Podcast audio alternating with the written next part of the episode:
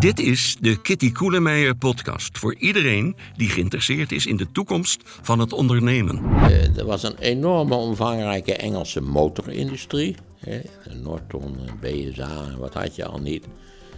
In tien jaar volledig weggeconcureerd. Simpelweg omdat de Japanse motorfietsen beter waren. Want we hebben natuurlijk Liechtenstein, we hebben Andorra, we hebben nog een paar van die rare enclaves in Europa die in feite leven van het enclave zijn, van het ontduiken van Europese regelgeving. Ik begreep dat tal van bedrijven in Oostenrijk en Duitsland in, in, uh, hoe heet het, uh, zijn, in Liechtenstein zijn geregistreerd. En dat is natuurlijk, vind, dat vind ik dus ongepast.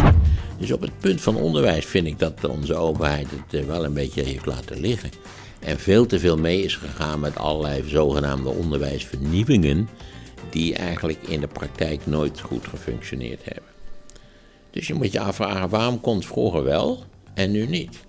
Dat heeft, moet iets te maken hebben met de aard van het onderwijs zoals het vroeger werd gegeven. In deze aflevering ga ik in gesprek met de one and only Maarten van Rossum. Maarten heeft eigenlijk geen introductie nodig. Hij is historicus en Amerika-kenner en veel gevraagd als commentator op radio en televisie. Ik ben benieuwd naar zijn haarscherpe analyses maar nu op het gebied van ondernemen, management en nieuwe technologieën. Kijk en luister nu naar Maarten van Rossum. Ja, moet je ergens over beginnen natuurlijk. Ja, nou in ieder geval fijn dat je er bent, Maarten. Heel fijn. En uh, nou ja, we zeiden al uh, of ik iets over Wenen kon zeggen. Want ik, ben, ik was de hele vorige week in Wenen. Ik heb begeleid een soort van culturele reizen. Eerlijk gezegd is de begeleiding mijnerzijds min of meer nul. Ik hou alleen uh, educatieve verhalen erbij. En, en, de ware reisleider, dat is een andere historicus, die ik heel goed ken, Willem Melging. Ik mag natuurlijk geen reclame maken, maar het zijn leuke reizen. En vorige week dus naar Wenen, waar het verbazingwekkend koud was. Kan niet anders zeggen. Niet aangenaam weer. Geen aangenaam weer. Het gekke is, vorig jaar hebben we precies van reis naar Rome gemaakt. En dat was wel zo steenkoud, dat je denkt, die arme Romeinen, die hadden geen kachelsystemen, die moeten ook vaak het hebben zitten rillen van de kou werkelijk. Het was ook begin, eh, nou ja, begin voorjaar. En in Rome was dat elke nacht nachtvorst. Dat verwacht je toch eigenlijk niet. Maar nu Wenen. Want ik had besloten dat ik niet meer zou vliegen in Europa. Uit hoofde van nou ja, de bekende argumenten.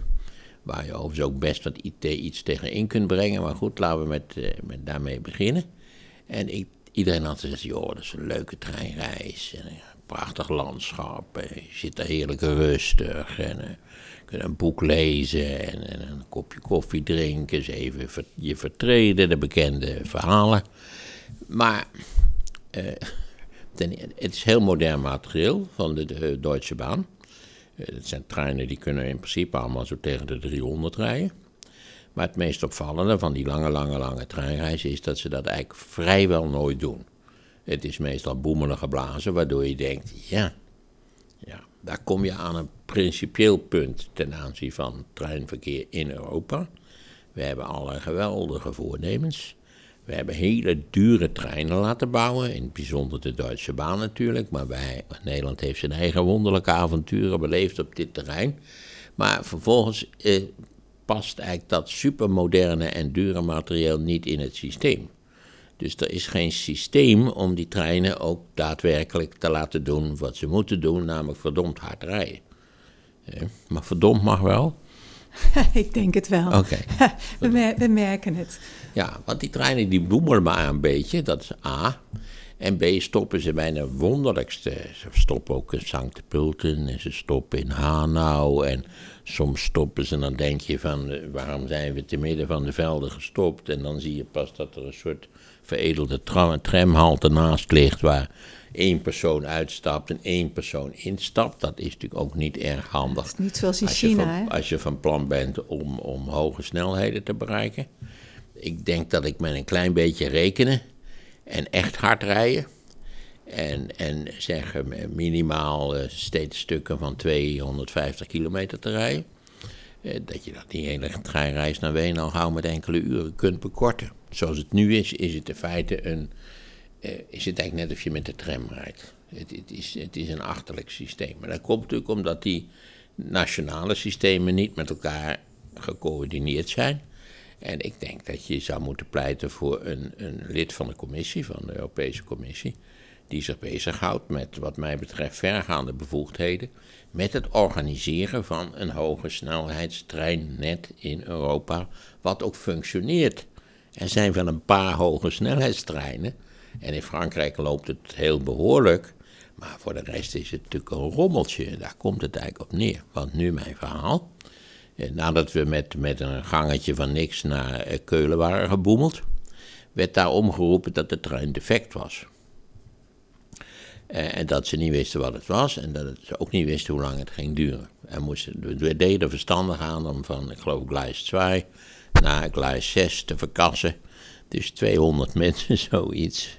Talloze bejaarden met zware koffers waren gedwongen de trap af, dat onderaardse gang door, de trap weer op. En nou ja, werden geperst in een toch al vrij drukke trein, dus dat was allemaal niet zo aangenaam.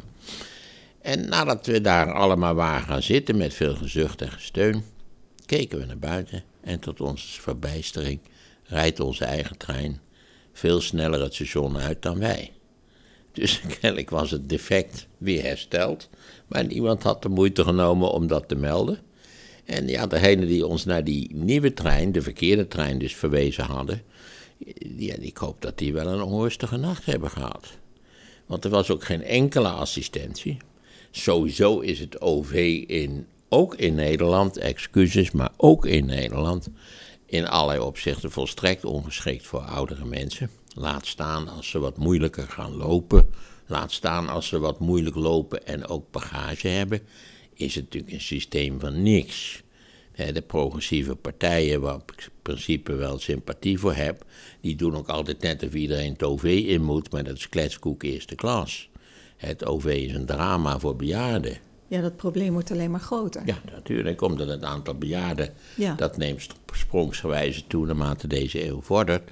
Ik geloof zelfs dat de wereldbevolking alleen nog maar groeit omdat mensen veel ouder worden dan ze eh, 75 jaar geleden werden. De toekomstverwachting, de gemiddelde toekomstverwachting voor mannen eh, wereldwijd ligt al bij de 70. Waarbij ook hele merkwaardige verschillen optreden. Dus een man in Dhaka heeft een betere levensverwachting dan een zwarte man die in een achterbuurt van New York woont. Wat Amerika zich wel aan mag trekken, zou ik zeggen. Maar daar, Amerika en Rusland zijn merkwaardig genoeg de enige twee landen waar de verwacht, te verwachte gemiddelde levensduur is gedaald in de afgelopen twintig jaar. Bij ons is die nog sterk gegroeid. Nederlandse mannen doen het geweldig lollig in Europa, gek genoeg. Nederlandse vrouwen heel matig. Nederlandse mannen doen het goed. Die zijn nog in de afgelopen twintig jaar, is daar de levensverwachting nog vrij fors toegenomen. Probleem wat jij schetst met het openbaar vervoer in Europa staat eigenlijk model voor veel meer wat we in Europa hebben. Denk aan de kapitaalmarkt, de, taalverschillen, wet en regelgeving dat, dat zorgt ervoor dat een heleboel dingen gewoon niet soepel verlopen. Nee, en daar heb je toch het gevoel dat men nog veel te veel opgesloten zit in, eh, in de natie. En dat natuurlijk de, de bureaucratieën die traditioneel dit soort van zaken regelen, absoluut niet eh, gewend zijn aan een bovennationaal systeem wat, wat rationeel in elkaar steekt. En vaak natuurlijk gewoon de boel tegenwerken, laten we wel wezen. Dat is, uh, tenminste, mijn indruk is, dat vaak gewoon tegengewerkt wordt. Maar je ziet ook in een land als Nederland, hoewel wij zeer internationaal georiënteerd zijn, ook ten aanzien van onze import-export. Wij zijn natuurlijk altijd een, een doorvoerland geweest, sinds Sint-Jutem is in feite, daar hebben we ons geld aan verdiend. Uh, maar ook in Nederland denken wij heel sterk binnen Nederlandse kaders. Denk aan de opwinding over onze politieke ontwikkeling, dat je altijd denkt, kom op. Het is een dorp, de, de, gemeenteraad is dus iets verschoven, maar het doet er in feite op grotere schaal helemaal niets toe. Ik zeg ook altijd dat, dat, dat Rutte eigenlijk net zoals als de burgemeester van Wuhan. Hè. Wuhan heeft geloof ik ook 17 miljoen inwoners. Dus ja, en wij kloppen ons op de borst als uh, zelfstandige natie. De andere kant van dit verhaal is natuurlijk dat de EU nog veel beter kan. Maar dat de EU natuurlijk vooral voor de kleintjes een, een onbeschrijfelijke zegen is. Wat hadden de Baltische republieken moeten doen als ze zelfstandig waren geworden in een systeem waar geen EU is. Dan ben je aan heiden over. Denk aan wat er gebeurd is. Om, om weer terug te komen op het moment natuurlijk lelijk afgedwaald. Dat is mijn ziekte, het afdwalen. Ehm, eh, toen de Donaumonarchie natuurlijk uit elkaar viel in 1918. De Donaumonarchie was natuurlijk ook een multinationale staat. Eh, ontstonden allerlei kleine eenheden, nieuwe naties in feite. Eh, ja, die natuurlijk wel allemaal een douane wilden, eigen postzegels, een eigen nationale bank. Nou ja, de hele poppenkast die bij een natie hoort. Maar die in feite natuurlijk geen, geen economisch been hadden om op te staan. Met als gevolg dat ze tussen de wereldoorlogen opgezogen zijn door de dynamiek van de Duitse, Duitse economie. Die natuurlijk ook toen de belangrijkste motor was van het, van het economische systeem van Europa. Dat is nog steeds zo natuurlijk zonneklaar. Wat zouden wij doen zonder de Duitse economie? Als je naar die landkaarten kijkt door de eeuwen heen, dan zie je dat ook precies uh, gebeuren, wat jij zegt. Ja, en vandaar natuurlijk uh, Caroline de Gruiter, die een, een, bijzonder aardig schrijft over de Europese Unie, naar mijn idee. Die heeft een heel leuk boekje, een boekje geschreven, dat heet Het wordt niet beter. Waarin ze eigenlijk vergelijkt de, de Donaumonarchie aan de ene kant en de Europese Unie aan de andere kant. En ook de donormonarchie, dat functioneerde enorm moeizaam. En, en waren allerlei eh, nationale wensen die, die vervuld moesten worden. En, eh, maar iedereen was altijd eigenlijk over alles ontevreden. Doet een beetje denken aan de Europese Unie natuurlijk. En tegelijkertijd was die donormonarchie één samenhangend economisch systeem. En had voor de betrokkenen grote voordelen. Zoals Engeland eruit is gestapt uit de EU, niet waar? Met het idee, dan zijn we weer op onszelf. En, maar kleine Europese landen kunnen niet op zichzelf zijn. Dat is een, dat is een illusie. Zwitserland, toch wel. En dus een soort... Ja, maar Zwitserland bestaat natuurlijk in feite bij gratie van de Europese Unie. zonder de Europese Unie zou... Nee. Trouwens, alle Zwitsers doen hun boodschappen in de landen van de Unie want je bent, uh, als je noordelijk woont, doe je boodschappen in Duitsland en anders in Frankrijk. En anders in Italië, omdat de boodschappen in Zwitserland vanwege de idiote koers van de Zwitserse frank veel te duur zijn natuurlijk. geen Zwitser doet zijn boodschap in Zwitserland. Dat geeft toch ook te denken. Zeker, zeker. Ja, in die Britten, het is natuurlijk een beetje vreemd hoe dat allemaal gelopen is. He, natuurlijk een dubbeltje op zijn kant, die hele stemming alleen al. En dan kun je natuurlijk tegen jezelf zeggen: we zijn zelfstandig en we, we zijn misschien uh, ja, een, nieuwe enclave en we zijn groot genoeg. Nou, ik vind Zwitserland is natuurlijk bij uitstek een parasitair levend land. Parasitair, parasiterend op Europa. Stel voor dat Europa er niet was. Eh, ik weet niet, je zou, ken de cijfers niet voor Zwitserland natuurlijk in de, in de oorlog. Maar Zwitserland heeft natuurlijk ook in feite, dat is een, ook eigenlijk een parasitaire rol natuurlijk. Dat als je geld had en het liever niet liet belasten in je eigen land, dat je dan zorgde dat je geld in Zwitserland op een genummerde rekening stond. Daar hebben we in Europa eigenlijk nooit een donder aan gedaan. We hebben dat geaccepteerd, of althans de elites vonden het misschien wel handig dat het zo geregeld was. Het is Amerika wat Zwitserland onder druk heeft gezet, dat je daar niet onbeperkt mee door kon gaan met zulke kunstenmakerij. En nu is het natuurlijk nog steeds een probleem met, met de Cayman-eilanden en andere vluchthavens van, van, nou ja, van, van niet erg betrouwbaar geld. En het zou, eh, het zou eigenlijk de wereldgemeenschap sieren als we daartegen wat krachtiger op zouden treden. Maar het wordt wel steeds moeilijker, hè? want geldstromen ja, kunt ze nu veel dat het lastiger werd, maar, maar ja, ik denk even aan die, aan die rekeningen waarbij eigenlijk de hele Engelse elite, inclusief de familie Cameron, uh, zijn geld bleek te hebben gestald uh, ergens in de Bahama's. Dat, daar word je niet vrolijk van, toch? Nee, absoluut niet. En we hebben natuurlijk een nationale sportheld, eh, onze Max, die wel in Monaco is gaan wonen vanwege het fiscale regime. En als je nou denkt dat hij geloof 30 miljoen per jaar verdient, dan vind ik het eigenlijk vrij lullig Mag ik dat wel zeggen, lullig of niet?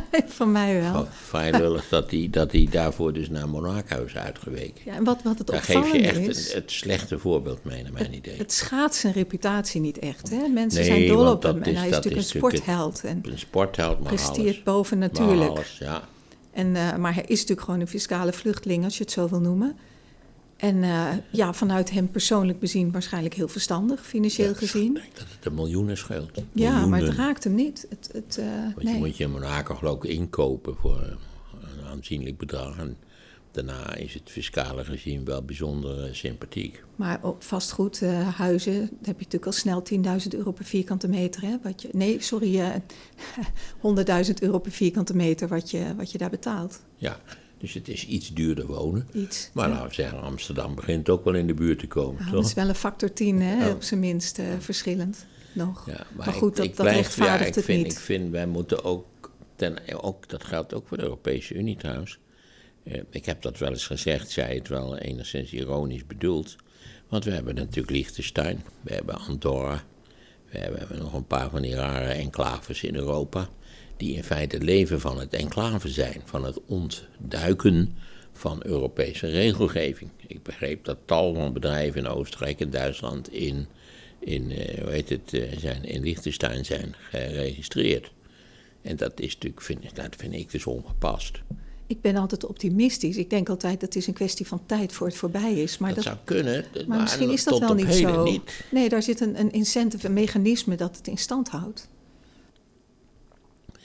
Namelijk, ongelukkigerwijs, natuurlijk de elites die eh, dit type van besluitvorming natuurlijk moeten, moeten reguleren.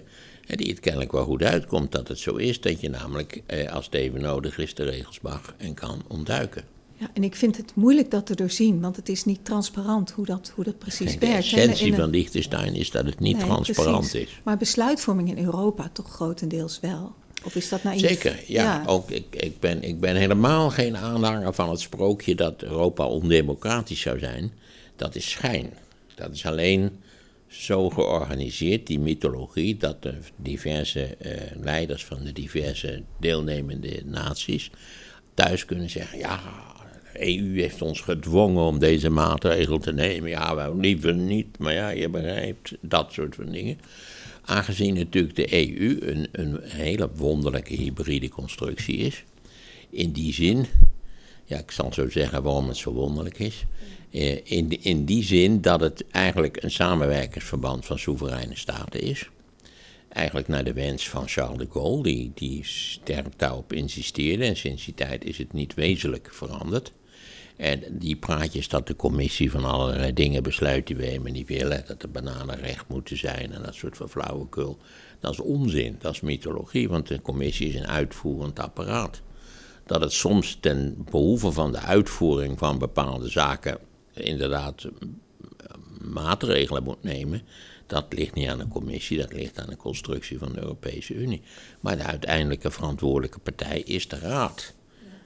Als, als, als Rutte thuiskomt en zegt van... eh, ja, ze- we zijn nu gedwongen om of zo te doen, dat is flauwekul. Als, hij kan tegenstemmen.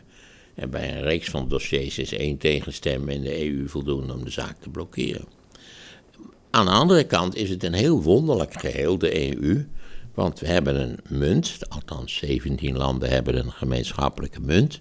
Waarvan eigenlijk door economen min of meer elk half jaar wordt aangekondigd dat die op de fles gaat. Ja, op dat punt gaan. hebben jullie geen sterke reputatie, moet ik zeggen. Ben je mee eens? Dat, en het is ook heel surf, omdat economen niets begrijpen van het feit dat de EU meer is dan een economische eenheid. De EU is ook een, iets wat ontstaan is uit de Europese geschiedenis. En wat met name in Duitsland en Frankrijk echt heel, heel, heel serieus genomen wordt. En je kent het, hè? Voor iemand met een hamer is alles een spijker. Nou ja. En ook al voelen economen dat wel, dat soort argumenten al heel lastig in te brengen in de economische theorie. Ja, dat zijn natuurlijk emotionele elementen, Ja, dat zijn ja. historische elementen. Ja. Eh, en daar houden ze totaal geen rekening mee. Dus elke keer als weer werd aangekondigd, ja, nu is het gebeurd, nu is het klaar, de euro stort in elkaar, dacht ik altijd van, nou, dat wil ik dan nog wel eens zien. Het is nou dat ik geen miljarden had om te, te speculeren, maar ik, ik had het in principe wel aangedurfd, denk ik. Om, om eh, voor de euro te speculeren. Ja, maar, maar economen zijn hardleers. Die komen met al die andere geldsystemen uit het verleden die altijd, ik geef het toe, volledig mislukt zijn. Maar ze zouden zich op moeten oriënteren op de rol van de dollar in de Verenigde Staten. Want als je aan Californië en aan de staat New York en aan, wat zullen we zeggen, Washington State zou vragen: zijn jullie bereid om in een muntunie? Stel voor, er was nog geen muntunie, maar alle staten hadden een aparte munt. De Arkansas dollar nou enzovoort.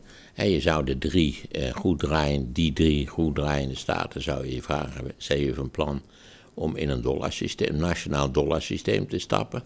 Zouden ze zeggen, geen sprake van. Daar gaan we niet aan beginnen, want dat betekent in feite systematische onderhandse subsidie van al die armoestaten. Maar draait Californië zo goed dan? Volgens mij zijn die uh, ook. Ja, dat is een hele grote economie. Oh. Oh. Maar wel bijna bankroet al een Ja, op zichzelf draait Texas nu beter dan mm. Californië. Mm. Maar dan moet je toch in, in Californië moet je niet vergissen. Dat is, uh, dat is toch een economie van hier. Ik denk dat Californië toch al gauw de zesde of de zevende economie zou zijn als je Californië los zou zagen uit de Verenigde Staten. Eh, de Verenigde Staten zijn natuurlijk een heel wonderlijk systeem. Wij zien dat als één systeem. Eh, het is een bondstaat, dat is zo klaar als een klontje. Maar in feite is het zo dat de blauwe staten, een groot deel van de blauwe staten, subsidiëren op grote schaal de rode staten.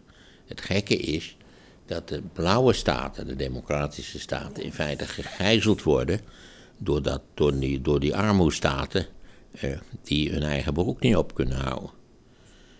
Dat is een heel wonderlijke, een heel wonderlijke zaak. Maar ik denk als je nu de keuze zou hebben om te gaan voor een nationaal geldsysteem, nationaal valutasysteem in Amerika, dat veel staten zouden zeggen, we hebben geen sprake van. Eh, dat gaat ons een hoop geld kosten. Aan de andere kant heeft het ook wel voordelen natuurlijk.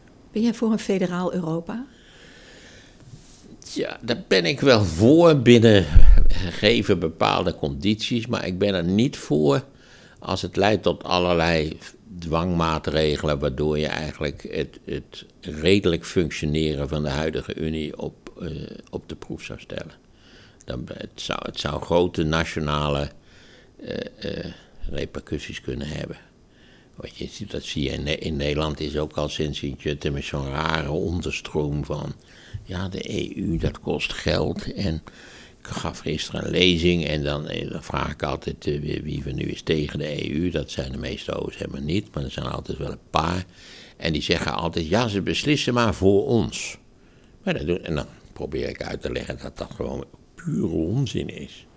dat zij beslissen voor ons. Als wij dat niet willen, dan willen we het niet. Bovendien moet vrijwel alles wat door de, door de Raad wordt goedgekeurd in ons parlement alsnog worden goedgekeurd. Ik zwijg even van het kinderachtige gedrag van onze minister-president, die een boek over Chopin ging zitten lezen en daardoor de boot miste op een hele pijnlijke manier. Ik weet niet wat welke kwestie het toen was. Maar dat natuurlijk dat eh, Macron en, uh, hoe heet het, uh, de Duitse bondskanselier Angela Merkel hadden besloten dat de EU zelf geld mocht lenen. Daar waren wij falikant tegen. Hoekstra was tegen, Rutte was tegen. En kennelijk begrijpen ze dan toch niet dat ze daar niet zo verschrikkelijk veel toe doen in Europa als het puntje bij paaltje komt. Dat als de Duitsers en de Fransen samen iets besluiten, dan kun je in je kop gaan staan en dan kun je de hele bibliotheek over Chopin uitlezen, maar dat helpt niks. Nee, maar daar zit de pijn natuurlijk. Het is een manier om daarmee om te gaan, maar ik begrijp ook niet goed. Ja, je kunt het misschien begrijpen, maar waarom, waarom je dat zo zou doen? Ja, je bedoelt wat... Uh, Door middel van het lezen van dat boek eigenlijk aangeven... Ja, zelfs Angela Merkel was geïrriteerd geloof ik daarover. Ja, ik vind het vrij suf. Afgezien van het feit dat ik vind dat ik heb geen bezwaar... Het waren natuurlijk altijd de Duitsers die bezwaren hadden tegen de, het optreden van de EU als zelfstandige eenheid op, op, de, op de geldmarkten. En die zijn... Uh, ik, maar Merkel dacht natuurlijk, ik ben aan het eind van de rit, ik kan het nu wel. En als er natuurlijk eenmaal een, een houtje tussen de deur zit, dan zal er meer volgen. Daar ben ik heilig van overtuigd. Maar nu nog even, we hebben ook nog een hoger rechtshof in de Europese Unie. Uh, we hebben in feite een gemeenschappelijke douanedienst die niet werkt. Uh, vanwege het immigratieprobleem. Maar ik las een stuk en daar stond in ja. Uh, als je India, als je, hè, het, als je India beschouwt als een natie, nou, dan is de Europese Unie een prima draaiende, goed georganiseerde natie. Omdat die, die, die, die verschillen tussen al die verschillende deelstaten in India, die schijnen enorm te zijn. Echt enorm. Ook, ook naar economisch inkomen, economische efficiëntie. Er zijn staten die, die hopeloze derde wereldstaten zijn binnen India. En er zijn erbij die lekker meedraaien in de wereldeconomie. Ja, en het is een, een democratie met, met zoveel zand tussen de wielen. dat, dat heb je daar. Ja, en dan krijg je zo'n zo'n boef als die Modi aan de leiding. En dat is natuurlijk ook een hele ongelukkige ontwikkeling. Die natuurlijk ook door polarisatie en aanscherpen van tegenstellingen zijn macht uh, beheert. Ja, dan heb je het buurland China, waar alles centraal geregeld wordt. Grote contrast nou ja, dat is het gekke van China. Ik heb nog eens een, een, boekje gelezen over hoe, hoe, China eigenlijk uit die, uit die derde wereldstatus uh, zich ontwikkeld heeft tot een, nou ja, volgens velen belangrijkste industriemacht ter wereld. Dat moet waarschijnlijk ook wel wat genuanceerd worden. Als er dan 15 van die, van die uh, containers van zo'n schip vallen met Chinese spullen, dan denk je, nou ja, het, het grootste deel bleek plastic schoenen te bevatten. Dus het is bepaald geen high-tech industrie, plastic schoenen. Maar goed, en, en hele rare kleine witte autootjes, geloof ik. Maar eh, het interessante eigenlijk van, van de ontwikkeling van China is dat het, dat het weliswaar een totalitaire dictatuur is, maar dat de, de zelfstandigheid, de ruimte van de diverse onderdelen van de diverse provincies in China, eh, die bleek vrij groot te zijn. Sterker nog, sommige van die provincies die konden ook experimenteren met, met economisch beleid. En dat hebben ze natuurlijk op grote schaal gedaan. Het is natuurlijk bijna onmogelijk om een land van, zo'n, van zulk omvang, om Ja. dat goed te besturen. En dan maar 250 talen alleen al. 1,3 miljard inwoners. Ja, ongelooflijk. Maar goed, ze hebben natuurlijk wel een wonder verricht. Ik, ik overzie ik de huidige ontwikkeling. Ze hadden natuurlijk de opvolging eigenlijk redelijk op de rail staan, was mijn indruk. Ja, daar fietste ik Xi Jinping eh, doorheen. En nou ja, we zijn nu even ver als we waren. Met de Xi Jinping thought en alle be- bekende totalitaire flauwekul. En of dat nu zo'n gunstig is voor het systeem. Ik dacht dat ze nu al eh, niet aan de oppervlakte, maar daaronder toch eh, alweer bezig waren om tegen allerlei westerse bedrijven te zeggen: je kunt rustig investeren, het zal zo vaart allemaal niet lopen. Want ze hebben natuurlijk ons nog steeds enorm hard nodig. Trouwens ook Taiwan. Als ze, als ze Taiwan zouden bezetten met, met, met, met eh, verschrikkelijke gevolgen, slachten ze in allerlei opzichten ook de kip met de gouden eieren natuurlijk. Het Ja. zou, Dat weten ze ik zelf geloof natuurlijk ook ook. totaal niet aan het feit dat China met geweld Taiwan zal veroveren. Daar geloof ik geen klap van. Ik Als dat zo niet. is dan, is, dan zijn ze nog een stuk gekker dan ik al dacht dat ze waren. Waar je nu heel veel over te doen is al een tijd, is dat als je kijkt naar artificiële intelligentie, hè, dan, dan is natuurlijk fundamenten zijn ontwikkeld in de Verenigde Staten. De toepassing, vooral in China, omdat daar natuurlijk hele andere privacyregels gelden, of, of ontbreken moet ik eigenlijk zeggen. En dan in Europa krijg je precies die problematiek die jij, die jij ook noemde, hè, met, met je treinreis naar Wenen. Dat je al die verschillende. Wij, wij zijn niet heel goed in staat om grote techbedrijven op te richten. Er zijn er wel een paar, Spotify, weet ik wat, een paar. Maar dat is heel erg lastig. En dat betekent dat als het om AI gaat, dat we eigenlijk tussen wal en het schip dreigen te vallen. Hè? Want je hebt natuurlijk die twee grootmachten, die, hè, waarvan de een eh, ja, de, de enorm veel kennis heeft ontwikkeld, meer fundamenteel. En de ander dat heeft opgepakt en, en heel grootschalig zonder belemmeringen, met weinig belemmeringen aan het toepassen is. En wij, bij ons gaat het, ja, de vraag is wat moeten wij daar dan, dan mee, wij als Europa? Ja, eh, toch ben ik, eh, ik ben op dat punt niet pessimistisch gestemd.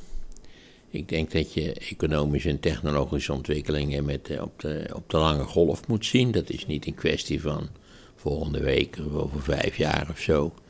Ik herinner me natuurlijk als de dag van gisteren het fameuze boekje Le Défi Américain van, eh, van Jacques Servan-Schreiber. Weet je? Ik ken dat ik ken dat niet, Dat, nee. dat deed opgeld in de jaren zestig. En de teneur daarvan, we lopen in Europa echt hopeloos achter op de Amerikanen. Eh, Het, het is, het is hij gaf als voorbeeld overigens de Concorde eh, en, en het supersoon vliegen. Eh, wat de Amerikanen toen ook nog van plan leken te zijn. En toen zijn wij zo suf geweest om er serieus in te stappen en een toestel te bouwen. waar nooit een cent aan verdiend is natuurlijk. En de Amerikanen hebben de meestelijke ontdekking gedaan met de 747.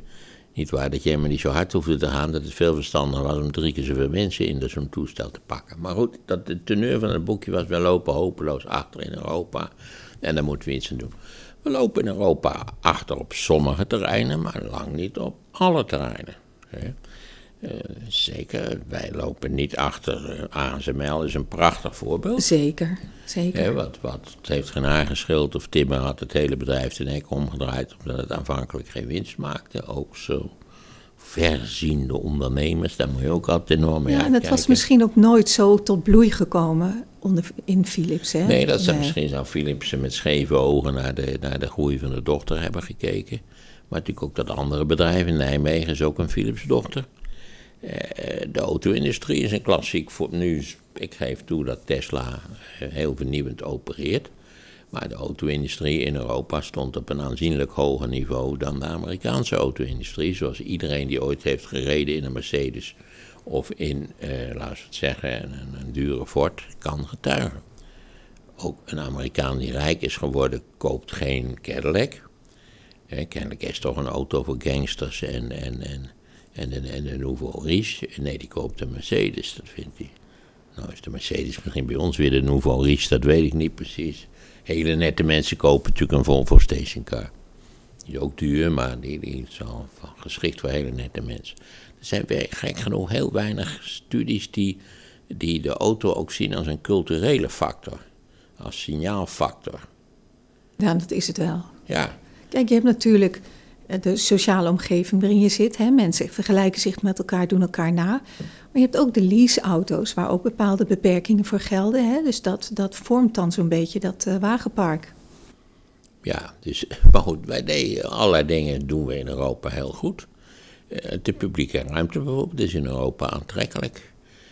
De, de verdeling van het nationale inkomen is in Europa, zeker in de kleinere Europese landen, veel beter geregeld dan in de Verenigde Staten. Voor de modale burger zijn, is de Europese Unie een veel aantrekkelijker propositie dan de Verenigde Staten. Maar dat zou behalve levenskwaliteit toch ook een, een hoger opleidingsniveau moeten opleveren hè? En, en meer, meer zijn, kennis. Nee, nou ja, in ieder geval zijn we in Nederland zijn we ontzettend hoog opgeleid. Ja.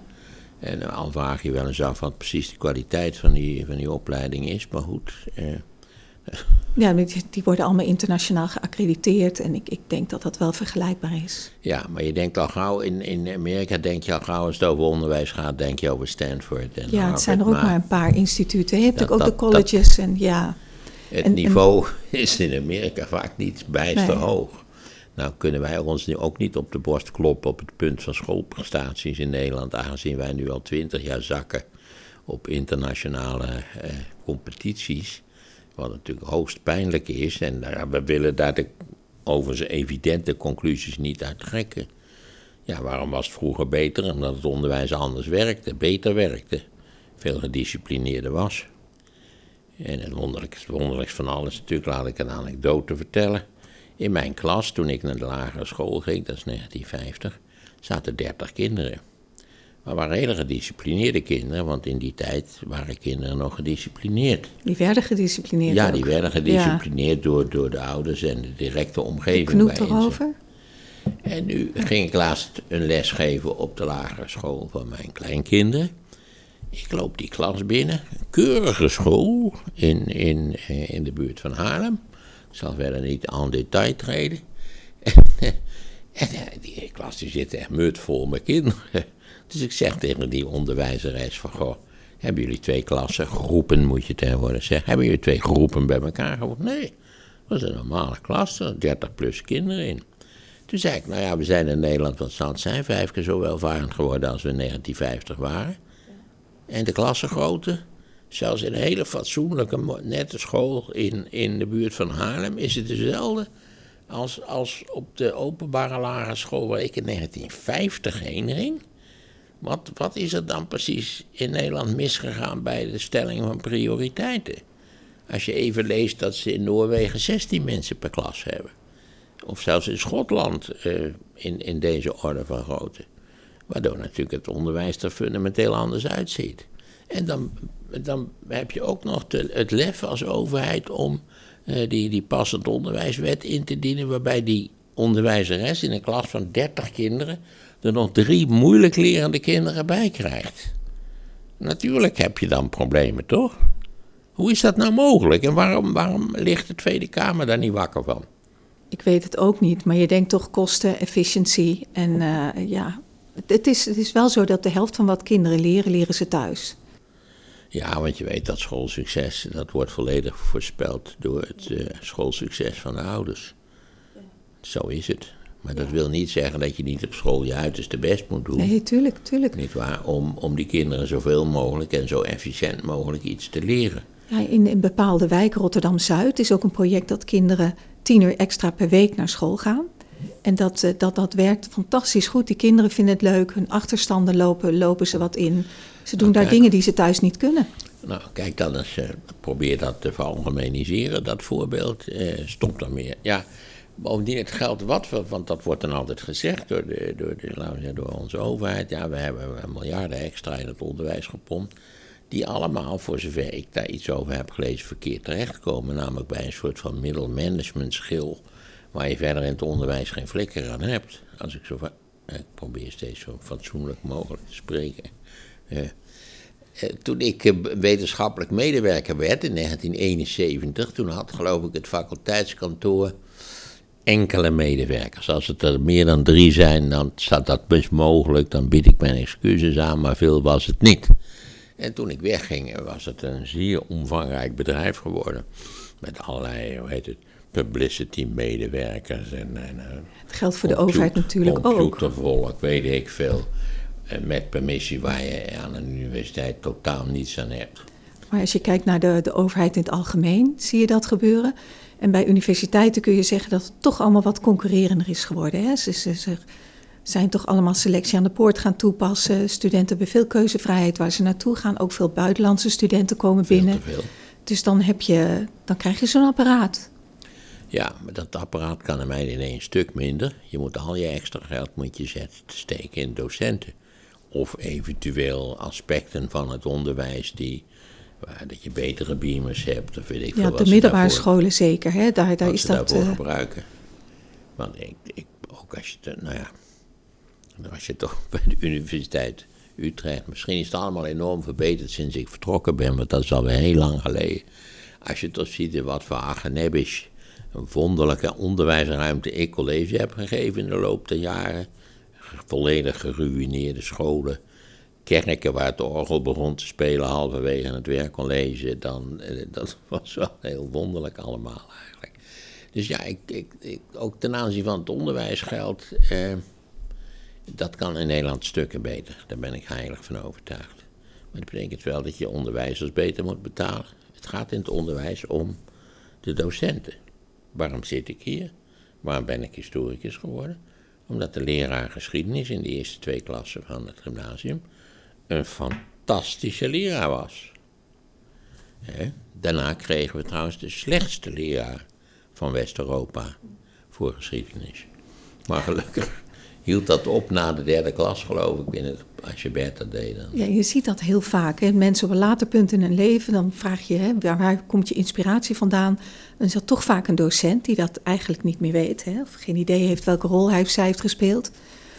En dat, uh, ja, ik ben dat met je eens. Dat is, dat is ontzettend belangrijk voor de, maar ook voor, de, voor het plezier in het leren. En je concurreert tegenwoordig natuurlijk met alles, hè? Met, met Google, met uh, ja, ChatGPT, met iedereen. Toen niet, maar nu tijd. wel.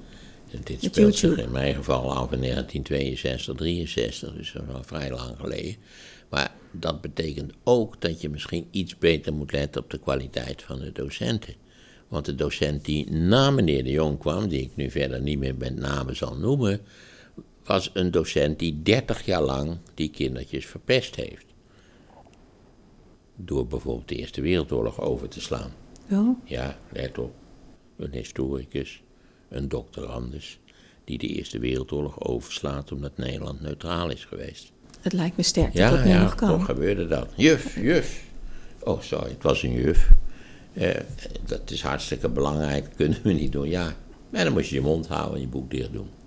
Ja, is misschien, dan hoop ik altijd dat dat een uitzondering is, hè? want het lijkt me sterk nou dat je dat... dat hoop je. Er zijn natuurlijk allerlei accreditaties dus en weet ik wat. De leraar die ik die twee jaar daarvoor had, die had zo'n impact dat, dat deze.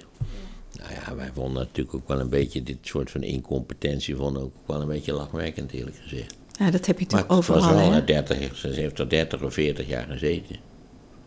Dat is niet best toch? Dus op het punt van onderwijs vind ik dat onze overheid het eh, wel een beetje heeft laten liggen. En veel te veel mee is gegaan met allerlei zogenaamde onderwijsvernieuwingen, die eigenlijk in de praktijk nooit goed gefunctioneerd hebben. Dus je moet je afvragen, waarom kon het vroeger wel en nu niet? Dat heeft, moet iets te maken hebben met de aard van het onderwijs zoals het vroeger werd gegeven. Misschien toch iets meer discipline. Misschien toch even afstappen van het idee dat het altijd leuk moet zijn. Nee, het hoeft niet altijd leuk te zijn. Het zijn ook dingen die noodzakelijk zijn, maar niet leuk. De wereld is veranderd hè, voor jonge kinderen. Hebben andere soorten afleiding. Hebben, hebben veel meer autonomie, veel meer de mogelijkheid om zelf ook kennis te vergaren. En dat, dat kan dan. Ja, maar je, nu, je kunt naar YouTube naar een tutorial gaan en dan krijg je een heel geïnspireerd iemand die jou, die jou heel leuk en, en duidelijk dingen uitlegt. En dat concurreert dan toch met in de, in de collegezaal of in de klas zitten en luisteren naar iets. Uh, ik ben het met je eens, hè? ik bedoel, ik, ik, zit zelf ook in het onderwijs, dat, dat, is, dat is ontzettend belangrijk. Maar ik zie natuurlijk ook die concurrentie. Dat uh, de mogelijkheid die je hebt om het op een andere manier te doen. En daar daar moet je, je moet het als het ware zo aantrekkelijk en interessant maken dat, dat mensen toch komen. Of je verplicht het ze, daar, dat is wel anders. Ook, naar mijn idee grenzen aangesteld. Ik denk dat de essentie van het interessant maken van, van uh, leerstof is dat je de indruk altijd maakt dat je het zelf ook hartstikke interessant vindt. Natuurlijk, maar dat vind je toch ook als het goed is, hè? Ja, dat, in die, de idealiter is dat zo. Maar heel vaak, zijn, iedereen weet toch van docenten die en geen bal geïnteresseerd zijn in de stof die ze zelf onderwijzen. Waarbij dat toch een soort, soort, ja, soort voorspelbaar mechaniek wordt. Maar ze maken daar niet, uh, ik wou gaan zeggen, een gezellige poppenkast van. Maar ik ben wel geneigd om te zeggen, het, het is ook wel een beetje show. Ja, maar dat is tegen, het ook. toch? Ja, maar je hebt van die docentenverkiezingen, ook op middelbare scholen, hè, het beste docent van Nederland. En dat zijn mensen die kunnen dat. Ja, en elk jaar wordt er zo'n prijs uitgereikt. Ja. Dat, dat, die, dat zijn mensen die opmerkelijke dingen doen. Dus je moet je afvragen, waarom doen ze dat? Hoe doen ze dat precies? Hoe komt het dat we blijven zakken op die, op die internationale onderzoeken? Ik vind dat wel dat de Nederlandse overheid daar tekort schiet. En je verwijst naar die innovatieranglijsten, denk ik. Hè? En wij, wij staan daar natuurlijk best hoog in. En af en toe zakken we daar wat in, of bedoel je dat niet? Nee, dit zijn die cijfers of kindertjes als ze oh, 14 zijn. Uh, een vierkantsvergelijking op kunnen lossen. En hoe snel ze dat precies kunnen. Waar altijd blijkt dat kinderen uit Singapore, Zuid-Korea, Hongkong, ja, noem nog eens wat op, dat altijd veel en veel beter doen. Ja, niet gemiddeld, hè? Je hebt daar natuurlijk heel veel selectie. Ja, daar zijn wij natuurlijk niet zo voor. Grote aantallen, ja. Wij zijn tegen selectie. Daar wil ik ook nog wel iets heel impopulairs over zeggen. Uh, dat het onderwijs is een, een een systeem wat, wat rekening houdt met wat het kind kan en niet kan. En niet alle kinderen kunnen hetzelfde. Het is een meritocratisch systeem. En, en je doet er goed aan om die mensen die werkelijk iets kunnen, om die ook de ruimte en de mogelijkheden te bieden om die te gebruiken. En vandaar dat ik een vervent tegenstander ben van de middenschool. dat je nog weer eens een keer drie jaar lang met z'n allen in de klas zit. Gezellig ongetwijfeld, fijn met z'n allen naar de speeltuin. Maar het is voor sommige kinderen is het, is het heel vervelend, want dan betekent dat de rem er nog drie jaar op staat. Speelt dat nu nog, die middenschool? Nou ja, dat is uh, ook, ook bij, bij uh, hervormingsvoorstellen van, van, uh, van het Nederlandse onderwijs duikt altijd en eeuwig die middenschool weer op. Ik hoop dat het er niet van komt door de algehele traagheid van ons overheidsapparaat. Wat natuurlijk weer een ander thema is wat we aan zouden moeten snijden dat begint langzamerhand wel een enigszins pijnlijke onderneming te worden. Uh, maar ik ben dus niet voor de middenschool. Of doe, als je dat dan per se wil, doe iets. Want het gaat natuurlijk altijd over de kinderen die onder. Ja, de middenmaat is de middenmaat. Maar het gaat vaak over de kinderen die onder de middenmaat zitten. En nou, die moet je geweldig steunen, daar ben ik absoluut een voorstander van. Maar je moet ook de mensen die boven de middelmaat zitten. Er zijn kinderen, mensen willen het vaak niet geloven, die het leuk vinden om te leren. Echt waar, die zijn, die bestaan echt. Ja, jij was zo iemand, denk ik. En ik, ik ook, ja. Ik, ik denk natuurlijk aan mezelf, dat is wel duidelijk. Ik vond niet alles leuk, maar ik vond wel veel leuk, toch? Ik vond ook niet alles leuk. Maar het leren op zich, ja, die, die ontwikkeling, die is, die is dan heel plezierig. En je zegt, ik ben niet voor de middenschool. De vraag is, wat moet je dan wel doen voor die kinderen? Ja, dat, je hebt nou wel klasjes al hè, voor hyperintelligente kinderen, maar dat, dat... Ja, dat je een soort streaming organiseert toch, waarbij die kinderen, eh, zonder ze nou verschrikkelijk onder druk te zetten of zo, ik ben niet voor, voor Chinese toestanden. want je kon in China geloof ik ook, je, als je ging studeren, je eigen studierichting niet kiezen. Daar ben ik geen voorstander van, van een dergelijk systeem. Eh, maar eh, ja, ik, dan maar streaming. Ik weet, ik weet ook niet precies wat de oplossing is. Want uh, het verhaal is natuurlijk steeds dat de selectie bij ons te vroeg plaatsgrijpt. Waardoor mensen uh, uit, meteen al uitgeselecteerd worden die bijvoorbeeld vanwege hun achtergrond niet, niet voldoende passen in het systeem.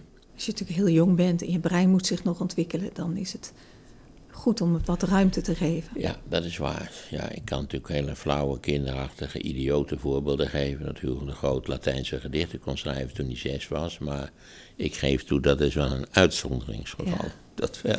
maar ik wil maar zeggen dat kinderen ook op vrij jonge leeftijd heel begaafd kunnen zijn. Ja, absoluut. Denk eens aan die kinderen die piano kunnen spelen, zeg.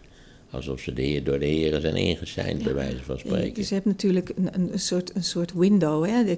Tot een bepaalde leeftijd leer je gewoon heel makkelijk. En daarna gaat het raam gaat weer dicht en dan, ja, ja dan, dan specialiseer je. En... Het is heel ongelukkig, eigenlijk. Ja, ja. ja. mijn kleinzoon die uh, is uh, geboren en die heeft, is de eerste jaren opgegroeid in Engeland, dus die was Engelstalig. En toen zijn zijn ouders naar Nederland verhuisd. Omdat mijn dochter heimwee had, geloof ik. En hij, hij sprak in een half jaar perfect Nederlands. Sterker nog, hij spreekt Engels met zijn vader.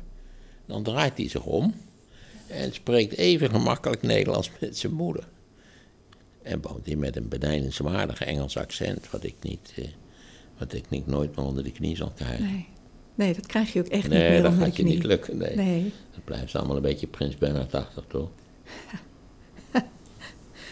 Ja, en dat, maar dat, je zegt dus eigenlijk, je hebt het ook over het veel beter benutten van het potentieel hè, onder, die, onder die jonge kinderen. want dat, heb je voor de toekomst nodig. Ja, dat je, dat, je, dat je het interessant moet maken op een, op een. Zonder dat ik wil vervallen in dat het altijd leuk moet zijn en speels en kinderen moeten hun eigen. Ik weet het niet of het niet nuttig is om er een element van discipline in, te, in aan te brengen. Dat we daar niet wel erg bang voor geworden zijn. Dat we het kind eigenlijk wel erg veel ruimte geven. En dan zal iedereen zeggen, ja, maar het kind heeft toch ruimte nodig. Oké, zoveel mogelijk, maar niet altijd en op alle denkbare momenten naar mijn gevoel. Ja, kijk, in, in bijvoorbeeld een land als Australië hebben ze volgens mij na elke, een, na elke twee uur mogen de kinderen even, even woesten het speelplein op. Ravotten, zoals dat oh, heet. Ravotten, oh ja, inderdaad. Ja, nou ja, daar ben ik erg voor. Ja, want het is natuurlijk ook een beetje, als je heel, meisjes kunnen dat vaak gemiddeld genomen beter. Maar je, je zit stil in een bankje, je moet ook heel veel consumeren, je moet natuurlijk ook wel, krijgt ook wel veel te doen. Maar dat heeft natuurlijk uh, iets, uh, iets wat niet echt bij die kinderaard, ja, de meeste kunnen, kinderen past. In principe kunnen meisjes alles beter. Ja, tot op zekere leeftijd zeker. Onze schoolsystemen veel meer geënt zijn op meisjes dan op jongens natuurlijk. En ook omdat we langzamerhand beginnen te begrijpen dat alle mythologie over meisjes en jongens eigenlijk niet erg klopt.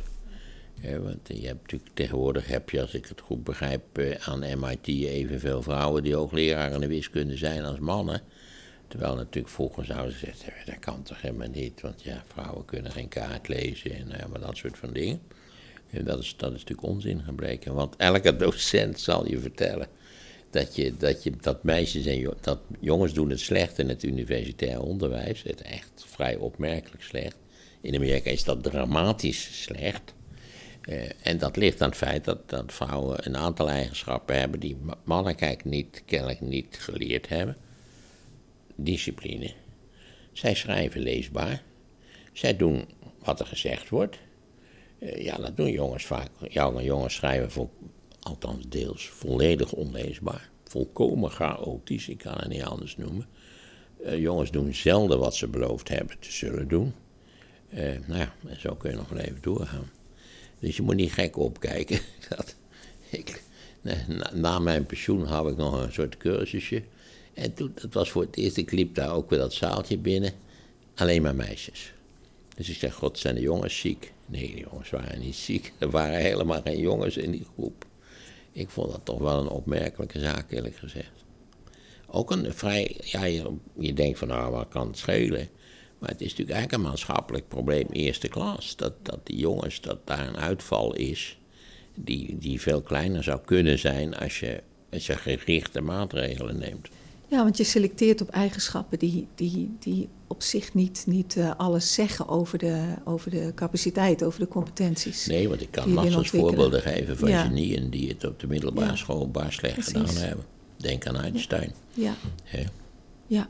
Maar dat, dat oorspronkelijke, je zit ook een beetje een evenwicht te zoeken hè, tussen oorspronkelijk denken, vernieuwend denken, tegen de gevestigde orde in durven gaan, maar wel zorgen dat je genoeg kennis hebt om dat verstandig te kunnen doen. Ja, nou ja, dat tegen de. Dat is natuurlijk een heel lastig probleem. Ook, ook de wetenschap heeft zijn gevestigde ja, ideeën. Zeker, zeker. En daar moet je je niet te veel tegen verzetten, want nee, anders. Uh, krijg je geen publicatie nee, meer. Dan, precies, nee. dan, dan draaien ze je carrière de nek om natuurlijk. En tegelijkertijd zie je in de wetenschap. Het, het is ook een beetje. Ten slotte zijn er zoveel dingen die toch in een andere richting wijzen dat het dan toch wel gedaan wordt. Ja. Ik ben zelf eigenlijk wel een, geloof ik, een groot gelover in de wetenschap. Uh, die, die natuurlijk ook deze traagheidsverschijnselen vertoont, zoals we nu signaleren. Maar uiteindelijk toch altijd door de bocht gaat. Er zijn natuurlijk van allerlei theorieën aanvankelijk gezegd van dat, dat is onzin, dat kan helemaal niet. Maar dat bleek wel zo te zijn in feite. Ja, ja. kijk, en, en je hebt een zekere grondigheid nodig, validatie kost tijd. Je, je hebt natuurlijk de experts die, ja, die op een gegeven moment moeten zien dat het, dat ja. het, dat het anders ja, je is. hebt natuurlijk al die peer-reviewing uh, toestanden, dat is zo. Uh, we zijn natuurlijk ook, uh, althans de wetenschap is natuurlijk wel een beetje in de kuil gevallen van een soort van productie-ethos. van, van als je een leuk artikeltje hebt, dan doe je de verstandig aan om in drieën te knippen.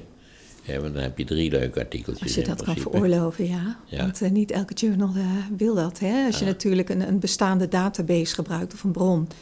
Dan de echte goede journals willen niet een, een, een artikel op basis van diezelfde data. Dat, dat, daar kan ik me dan ook wel weer iets bij voorstellen natuurlijk. Maar eh, ook de wetenschap moet oppassen niet te ver bureaucratiseren. En, en allemaal voorspeld gedrag te gaan genereren. En, en ruimte laten voor halve garen. Mijn indruk is wel eens dat, dat er aan de universiteit tegenwoordig minder ruimte is voor halve garen dan bijvoorbeeld een half jaar, een half jaar en een half eeuw geleden. Ja, ik kan dat niet goed beoordelen. Ik, ik, ik geloof dat er vroeger meer halve garen waren, maar ik weet dat niet helemaal zeker. Daar zou je, het is ook heel lastig om te onderzoeken maar wie een halve garen is. Natuurlijk. Geldt dat niet voor elk vakgebied? Geldt dat niet voor elke organisatie? En hè, dat, je, dat je daar toch een aantal mensen wil, wil hebben die, die de boel op zijn kop zetten, die hele andere ideeën hebben. Dat, daar zit ook veel creativiteit in. Ja, die gewoon challengen. ja, dat kun je ook natuurlijk opzetten. Je kunt, wij hebben in Nederland zo'n voorbeeld gehad, natuurlijk het Philips Natlab. Ja. Wat van een ongekende creativiteit was. Ik weet, oh, je leest er eigenlijk nooit meer iets over. Bestaat het nog? Het bestaat niet meer. Het bestaat niet meer. Nou, moet je Volgens kijken. mij bestaat het niet meer. Nee, en, en nu heeft iemand een snurkapparaat verzonnen wat, wat 3,6 miljard extra kosten met zich mee Dat is meer productie, hè? Productiefouten, ja.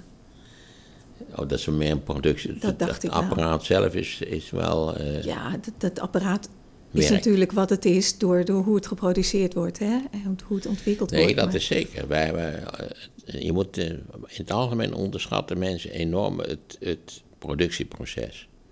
Een auto is goed, niet... Hij moet ook redelijk ontworpen zijn, maar dat zijn bijna alle auto's. Maar wil die echt goed zijn, solide, weinig mankementen vertonen, dan is dat afhankelijk van het productieproces. Als je, eh, ik zeg het vaak, maar het heeft ongetwijfeld geen enkel maatschappelijk effect. Daar moet je geen illusies over hebben. Als je een auto gaat kopen, dan zou dat toch in principe een rationeel besluit moeten zijn. Dus je, je raadpleegt namelijk een lijstje van auto's die de minste gebreken vertonen. Die lijstjes zijn er, meerdere lijstjes. Je hebt in Europa lijstjes, maar de Amerikaanse zijn wel wat betrouwbaarder, is mijn indruk. En die lijstjes die verdienen vertonen allemaal hetzelfde beeld, zonder uitzondering. Namelijk de top 10 zijn Japanse of Koreaanse auto's. En hele enkele maal slipt er een Duitse autootje tussendoor, maar dat is eigenlijk een uitzonderingsgeval. Dan moet je gaan kijken wat voor fabriek dat is. En gedragen mensen zich daarna nou wel een beetje. Ze kopen wel wat meer Japanse en Koreaanse auto's dan vroeger. Maar ze kopen nog, nog steeds met liefde auto's waarvan iedereen weet, eh, als je naar de tabellen kijkt, dat ze zo onbetrouwbaar als de nacht zijn. Mensen zijn geen rationele beslissers, hè? En ook niet. zeker niet als het Op gaat om auto's. niet, nee. Nee, en, en eigenlijk op een heleboel beslissingen niet. Hè, daar, daar, je bent daar Nee. heel snel van af. Daar komen we natuurlijk op een ander heikel Ja. punt, wat we Ja. wel onvermijdelijkerwijs wel moeten gebruiken, of moeten bespreken natuurlijk. Namelijk de politiek. Heel veel dingen zijn in, in de westerse samenlevingen redelijk geregeld. En, en functioneren ook redelijk, behalve de Duitse baan dan, die niet zo redelijk functioneert. Maar goed, eh, dat schijnt ook het gevolg te zijn van bezuinigingen en eh, reorganisaties en zo. Daar zouden toch ook de, de managementgoeroes. Hebben die al een boek geschreven dat je misschien eens wat terughoudend moet zijn met reorganisaties en bezuinigingen? Eh, dat vaak leidt natuurlijk. eh, is de Nederlandse Belastingdienst een, een, een chaos geworden met oude rommel? Dat komt omdat, dat, omdat dat, die dienst niet behoorlijk behandeld is door de overheid. Dat is niet door omdat ze daar altijd maar zo'n beetje hebben aangerotzooid. Nee, natuurlijk, dat is de overheid zijn bloedeigen schuld. Zoals de meeste van deze drama's de schuld van de overheid zelf zijn. Gericht vanuit dat rare efficiency-denken, waar in het algemeen natuurlijk wat een heel oppervlakkig en levensgevaarlijk verschijnsel is. Ja, Naar mijn idee. ja, Maar nu de politiek. Want eh, ja, dat, dat, eh, dat speelt natuurlijk ook bij leidinggeven. Kijk, iemand die leiding geeft aan een groot bedrijf is een heel ander iemand die leiding dan iemand die leiding geeft aan de politiek. Want die meneer die dat bedrijf leidt, overigens heb je daar ook wel mensen die jarenlang, als het ware, als, die, als, als God zelf eh, be- beschreven worden en achteraf een onbeschrijfelijke puinhoop achter. Hoe heette die man toch ook weer van General Electric, geloof ik, hè? Of was een Amerikaan. Nou, dat was Juvenet, dat, dat, dat was modern management. En nu verschijnt het ene na het andere boek dat die man een gigantische, eh, niet waar, Pompeiaanse ruïne heeft aangericht in dat bedrijf. Maar ook dat zijn ideeën, eh, dat, dat hele Jack, gedoe... bedoel je Jack Welch? Ja, die bedoel ik Ja. natuurlijk, heel goed, ja. Jack Wells, Ja. God zelf, Ja, nog geen 30 jaar geleden. Niet waar? En nu beschouwd als een, als een verwoester, eerst een soort van. Genghis Khan van het bedrijfsleven. bejubeld en bewonderd, helemaal waar. En maar als dat sowieso, algemeen punt, als dat te lang duurt. Hè, kijk, het is aan de ene kant is het heel erg afhankelijk van de, van de context en de tijd. Dus sommige dingen die heel goed werken in een bepaalde, in een bepaalde omgeving, bepaalde tijd, bepaalde situatie, die werken niet in een andere situatie. En dan wordt het een, een, een, een kunstje wat je, wat je herhaalt. En dan, ja, dan kun je verschrikkelijk de fout ingaan als je gaat geloven. Hè, als je in jezelf en dat je dat niet, lo- niet, niet eh, in, die, in die context kan zien. Ja, ik herinner mij een ontzettend leuk stuk uit de kwaliteitskrant. Eh, Die noem ik altijd ironisch een beetje de kwaliteitskrant, dat is de NRC. En dat ging over mensen die eh, op heel jeugdige leeftijd eh, heel zakelijk heel succesvol waren geweest. En een bedrijf uit de grond hadden gestampt en dat hadden ze dan verkocht. Eh, weet ik het, voor 25 of 30 miljoen. En dat ze dan dachten dat ze dat best een tweede keer konden. Maar dat bleek helemaal niet zo te zijn. Want wat ze volledig hadden onderschat was natuurlijk de, de, het raamwerk van de eerste keer. En het feit dat ze geluk hadden gehad op een of andere manier. Ja, die, die, die timing goed zat en op dat moment beseften ze dat niet. En eh, daar komen ze dan duur achter, de tweede En keer. dan gaan doen ze het nog een keer, nou, Ja. dan mislukt het dus in feite. Ja, en dan zie je dat Elon Musk, dat is natuurlijk een serial entrepreneur, die, die maakt ook vaak gebruik van initiatieven en bedrijven die er al zijn. Hè? Ja, hoort het ook, ook Tesla bestond al. Ja, Tesla bestond al en, en hij, heeft, hij heeft allemaal hele prachtige, vaak ook infrastructurele ideeën. Hè? De Boring Company, maar ook Neuralink. Gebruikt daar ja, toch ook bestaande initiatieven voor. Heel veel, heel veel overheidsgeld, heel veel subsidies, onderzoekssubsidies. En zo bouwt hij dat op.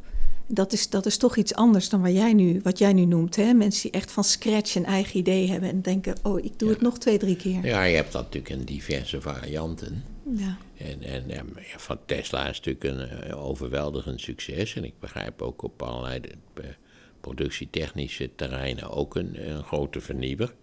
Nou ja, dat moet alleen maar toegejuicht worden. Want dan blijkt toch dat de traditionele auto-industrie wel erg sterk hechten aan, aan productietechnieken die ze ontzettend verbeterd hebben, maar die in feite wel eh, ondertussen misschien verouderd waren. Maar er is ook een hele lange adem voor nodig geweest hè, voor Tesla. In principe denk ik dat voor alle complexe veranderingsprocessen een hele lange adem nodig is. Laten we een, een praktisch voorbeeld geven wat me nu te binnen schiet. Dat is namelijk dat de Amerikaanse staalindustrie, dat die decennia lang verreweg de meest efficiënte staalindustrie ter wereld was. En op een moment eh, was dat niet meer zo en was de Japanse staalindustrie de meest efficiënte staalindustrie ter wereld. Ik weet niet hoe het nu is over, ik ken alleen voorbeelden uit het verleden. En dat kwam gewoon omdat Amerika was achtergebleven en in feite niet had overgeschakeld op een heel nieuwe technieken om staal te maken. En dat hadden de Japanners wel gedaan. En dat moet je toch.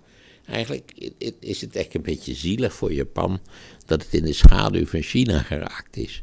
Omdat Japan natuurlijk juist aan het Westen heeft laten zien dat typische producten waarin het Westen ontzettend goed was, schijnbaar, eh, aan de top, dat de Japanners dat nog beter konden. Auto's zijn een prachtig voorbeeld. Ik gaf niet voor niks dat lijstje dat, dat het allemaal Japanse auto's zijn die het zo goed doen, maar denk aan de camera-industrie. Ja, dat was toch. Telefoons, uh, sorry, horloges. Oh, horloges, dat weet ik niet eens. Ja, de Seiko, de, ja. Ja, ik heb nooit een horloge. Dus nee, ik ook niet. dat ik daardoor niet, niet op de hoogte ben. Ik heb ook nooit iets begrepen van mensen die dure horloges verzamelen. Dat leek me zo'n onkomen nutteloze activiteit, eerlijk gezegd. Um, hoe kwam ik hierop? ja, dat de Japanners toch steeds wonderen wisten te ver... En dat je eerst namelijk... Eerst werden ze uitgelachen. Ik geloof dat ook bij de eerste Japanse fietsen, die werden uitgelachen. De eerste Japanse auto's. Ik hoor mijn tante nog zeggen, geen Japanner. Hè? Ja, stom, gewoon stom. Dit was deel 1 van mijn gesprek met Maarten van Rossum. Als je dit gesprek interessant vindt en vaker dit soort gesprekken wilt zien of horen, druk dan op die bekende knop.